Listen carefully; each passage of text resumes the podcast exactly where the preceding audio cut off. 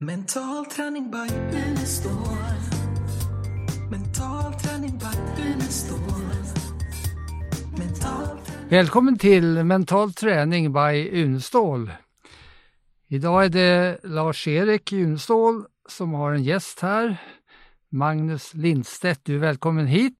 Tack så mycket. Tack så mycket. Kul att vara här. Du är här eh, under den här veckan för eh, sista delen av Executive coaching.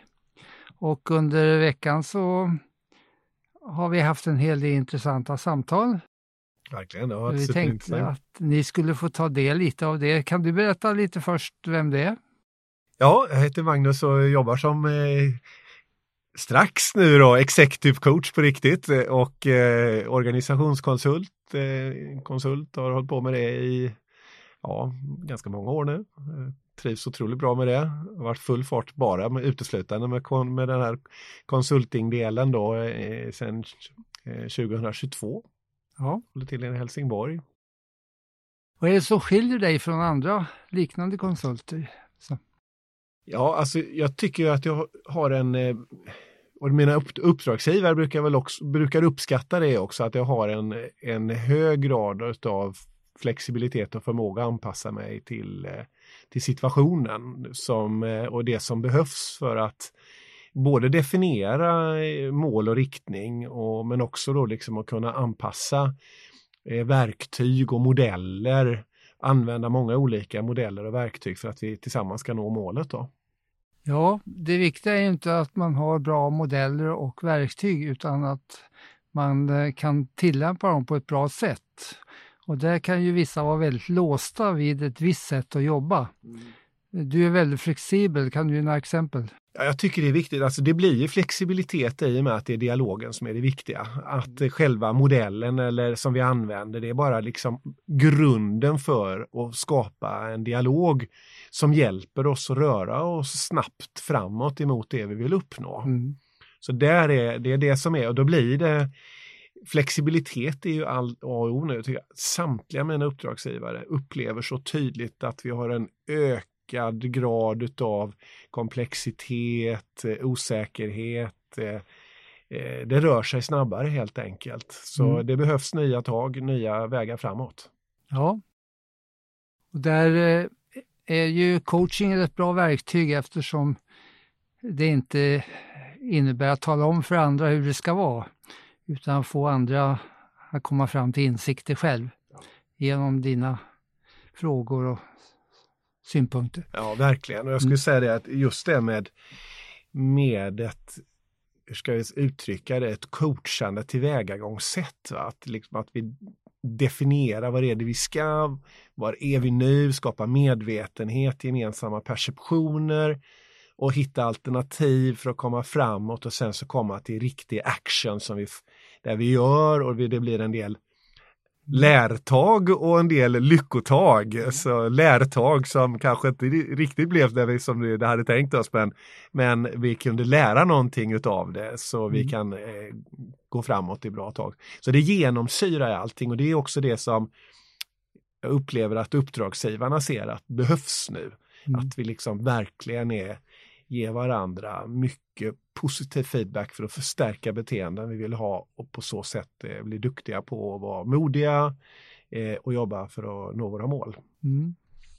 En sak som eh, någon i kursen tog upp var ju den här vanliga inlärningsmetoden när man går från omedveten kompetens till eller eh, omedveten inkompetens till medveten inkompetens och sen medveten kompetens och sen eh, sista är omedveten kompetens. Och eh, eh, både du och jag har en annan eh, åsikt där att man lika gärna och kanske oftare kunde gå direkt från omedveten kompetens till omedveten Kompetensen. eh, kompetens, från inkompetens till kompetens, omedveten. Kan du berätta lite mer om hur, hur du tänker där? Ja, verkligen. Vi håller ju verkligen med, med varandra där och det, Mm. det är härligt att se. Och, och det har ju att göra med själva grunden för hur vi lär oss saker egentligen. Så, oavsett om, vi, om det är barn eller vuxna så är det tydligt att vi lär oss av någon form av positiv förstärkning. Va? Vi ser någon som gör någonting som vi tycker är bra och då tenderar vi att följa det. Vi, eh, är vi barn så har vi förebilder, men det har vi också som vuxna. Va? Vi har olika beteenden som vi medvetet eller omedvetet speglar eller imiterar.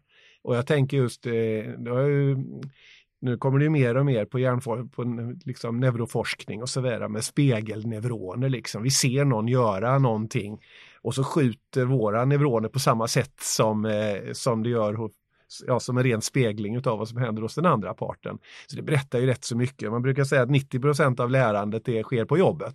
Och det är ju inte så att vi sitter på utbildningsbänken direkt då i, i den tiden utan eh, vi lär oss efterhand. Mm. Det, så det gör också att instruktioner, visst vi behöver ett mått av det men vi ska ju vara väldigt försiktiga med att ha för mycket av det. Ja, det här har en rad konsekvenser för jobbet som vi kan eh, återvända till. Eh, titta lite på hur, hur vanligt det här är trots att vi inte tänker på det. Eh, en uppgift som eh, ingår i coachkursen eh, var ju till exempel att eh, titta på hur man coachar någon som ska lära sig cykla. Mm. Och det är ett exempel på att om man jämför med instruktörer och lärare och författare och, och så vidare så ja, fungerar det inte så att man lär sig det genom att läsa en bok om hur man cyklar eller eh, får en instruktion. Utan eh, det gör man ju. Man, man sätter på cykeln, man har en förebild, man sätter andra cyklar och sen gör man det mm. utan att tänka på hur man gör det. Man kan ha någon som håller i sadeln lite grann så man undviker de värsta, värsta vurporna men mm. det gäller ju ganska snabbt att släppa det där mm. så att det blir självlärande. Och eh, barn lär sig genom trial and error, genom försök och misstag. Eh, och där har man då förebilder. Eh, jag hade en, en kurs för eh, fotbollsförbundet för ett par år sedan och eh, vi kom in på det här med eh, den här lärandeprocessen då. Då säger en av dem att eh, eh ja, jag skulle lära min fyraårige son att åka skridskor i vintras och jag vet ju allt om hur man åker skridskor så jag gav honom en ordentlig lektion varpå resultatet blev att grabben la sig ner på isen och var apatisk. eh, sen låg han där och tittade och så kom det en annan fyraåring och åkte. Så låg han och tittade ett tag på den fyraåringen, så reste han sig upp och åkte. Ja.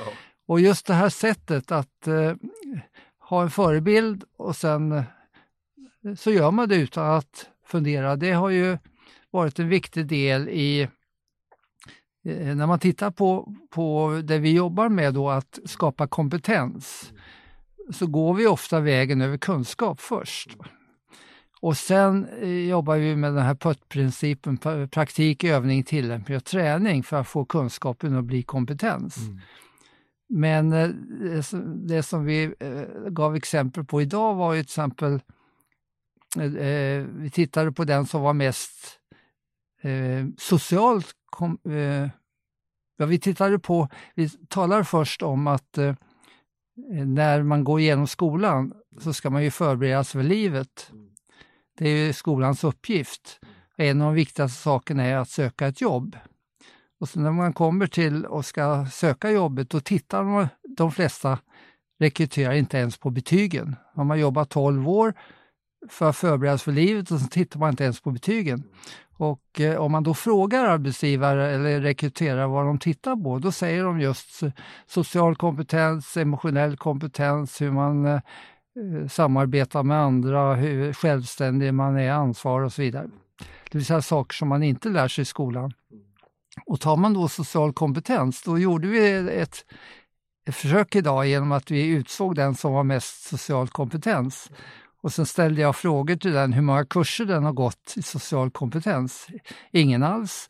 Vet du om hur du gör för att få så socialt kompetens? Nej, jag är bara mig själv. Så här har vi en sak som är mer uppskattad än betygen.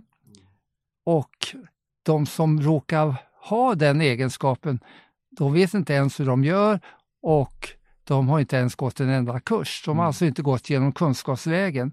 Så vi jobbar ju mycket med att hitta en direkt väg från omedveten kompetens till, medvet, till omedveten eller inkompetens till omedveten kompetens utan att behöva gå vägen över de här två mellanstegen. Mm. Och det är ju väldigt spännande att jobba på det sättet. Ja, absolut. Jag tycker det är, liksom, det är faktiskt en av grundbultarna i coaching också. Mm, När Timothy Galway började med från inner skiing och, och, och inner game of tennis och så vidare, då var det ju just det som han upptäckte och som du också har sett så tydligt i din forskning. Eh, och med, du har berättat om olika, med Davis Kaplans lag och så vidare, hur, hur, hur det liksom måste, det ska sitta i kroppen liksom. Och, och, och, och det, så det, det är en, en, en tydlig del med coachningen, att du hjälper till att få det direkt, att du tar det direktkopplingen över till den omedvetna kompetensen. Ja. För du kan inte gå igenom varje steg och lära dig det. Utan du behöver hitta, och speciellt tänker jag ju, det är mer och mer, vi ska hantera hög komplexitet och komplexa uppgifter och kunna samspela med andra. Bygga någon form av gemensam intelligens i en grupp där vi Mm. tänker tillsammans och på så vis eh, lär oss eh, hitta nya vägar framåt eh, Mm. är kreativa. Och det är klart att då, måste, vi- då behöver vi lära av varandra. Lära Mm. hur, ska jag, hur ska vi göra detta på bästa sätt? Precis. Och det är ju direkt, det, det är inte någonting som det finns en manual för utan Nej. det får vi faktiskt ta och ja, härma varandra och prata och ha en dialog med Mm. varandra och, och, och, och, positivt förstärka varandra och så vidare. För den medvetna kompetensen, den kan till och med vara en nackdel. mm. Eh, Jag vet när jag var på GH så sa vi till eh, den lärare som hade biomekanik, vad du än gör så undervisa inte eh, idrottsmän på hög nivå. För att börjar de tänka på hur kroppen fungerar, ja då sjunker prestationen. Så börjar man tänka i fotboll, då sjunker prestationen. Då stör man den här automatiken. Så det är den omedvetna kompetensen som är den viktiga. Och det är kanske därför som så få elit eh, blir bra tränare. För av tränaren så förväntas det att han ska kunna och, och eh, lära ut saker som har med hur man gör det. Mm. Eh, men börjar man som, som aktiv gå in på det, då, då sjunker prestationen. Så att där är det viktigt att gå från omedveten inkompetens till omedveten kompetens. Man bara gör det. Man lämnar över till kroppen och så sköter den det. Ja, jag tycker det, var, det, det är också en, en väldigt skoj grej med att gå här och, och, och, och jobba tillsammans med dig och Helena. Att eh, mental träning kommer in som en, ett fint komplement eller eh, tillsammans med, eh, bättre att säga, med coachningen. Med coachingen för att det, det hänger så nära sammans med varandra. Mm. Eh, för att verkligen kunna uppnå eh, bra, schysst utveckling Mm. på ett någorlunda på ett smidigt sätt. Va? Ibland till och med momentant. Ja. För det är ju, transformation inträffar ju ofta momentant, det är ju stunden. Mm. Ja, vi pratade i- idag, eh, jag gav en hel del exempel på till exempel eh, de här experimenten där man eh, lyckas lika bra när man sitter hemma och förbereder eh, straffskott i basket som om man står och tränar. Det har vi gjort flera experiment på. Och det här med att man fick lära sig golf, spela golf utan att man tog i en klubba. Eh, det visar ju att den här förebildsinlärningen som är själva grunden i mental träning, att man talar om bildmässigt för kroppen vad den ska göra och sen överlämnar man till kroppen. Verkligen. Man har lärt sig själva grundgrejerna i, i, i den fysiska delen men sen att sätta ihop den till någonting, det gör det mentala Mm. utan att man behöver tänka på det. Ja, det är oerhört intressant. Ja. Och du använder det också i, eh, i ditt arbete, förstår jag. Ja, absolut. Eh, ska säga, det, och det, är lite, det är ganska nytt för mig nu att ha börjat att göra det under det senaste, ja, sen jag satte igång här egentligen och föra in mental träning för, för att bidra till ledare, speciellt i en del situationer där man ser att ja, du kanske reagerar ibland på ett sätt som du inte skulle vilja göra eller du kanske är stressad på ett sätt som, som inte gynnar dig och sådär. Och där är ju mental träning himla bra alltså. Mm. Och, och, och också att du kanske skapar triggers inför när du ska göra svårare, gå in i svårare uppgifter och sånt där. Mm. Eh, säg att du gillar du inte att tala inför folk så kan det vara bra liksom att och, och kunna träna mentalt på det och sen så sätta en trigger på det och så lyckas man. Ja. eh, så, och sett det många gånger fungera i praktiken också. Det, så det, det är superintressant. Mm. Och väldigt, det är väldigt bra. Ska jag säga. Du jobbar mycket med triggers också. Ja, absolut. Där du får saker att hända genom triggern utan Ja. att man behöver tänka på vad som ska hända. Därför det är inprogrammerat innan. Ja, exakt. Ja. En del är Mm. programmerade triggers och sen så börjar jag förstå mer och mer hur många triggers jag har som inte är inprogrammerade. Eh, men, men som är där. Ja. Förhoppningsvis är de flesta gynnsamma då, men det finns säkert en och annan som man behöver plocka bort också. Oh ja, ja, för att trigger uppstår ju hos alla, alla, Ja. alla människor Ja. och många av dem blir negativa. Ja, Man reagerar negativt utan... Och det har ju med det här alternativa kontrollsystemet att göra.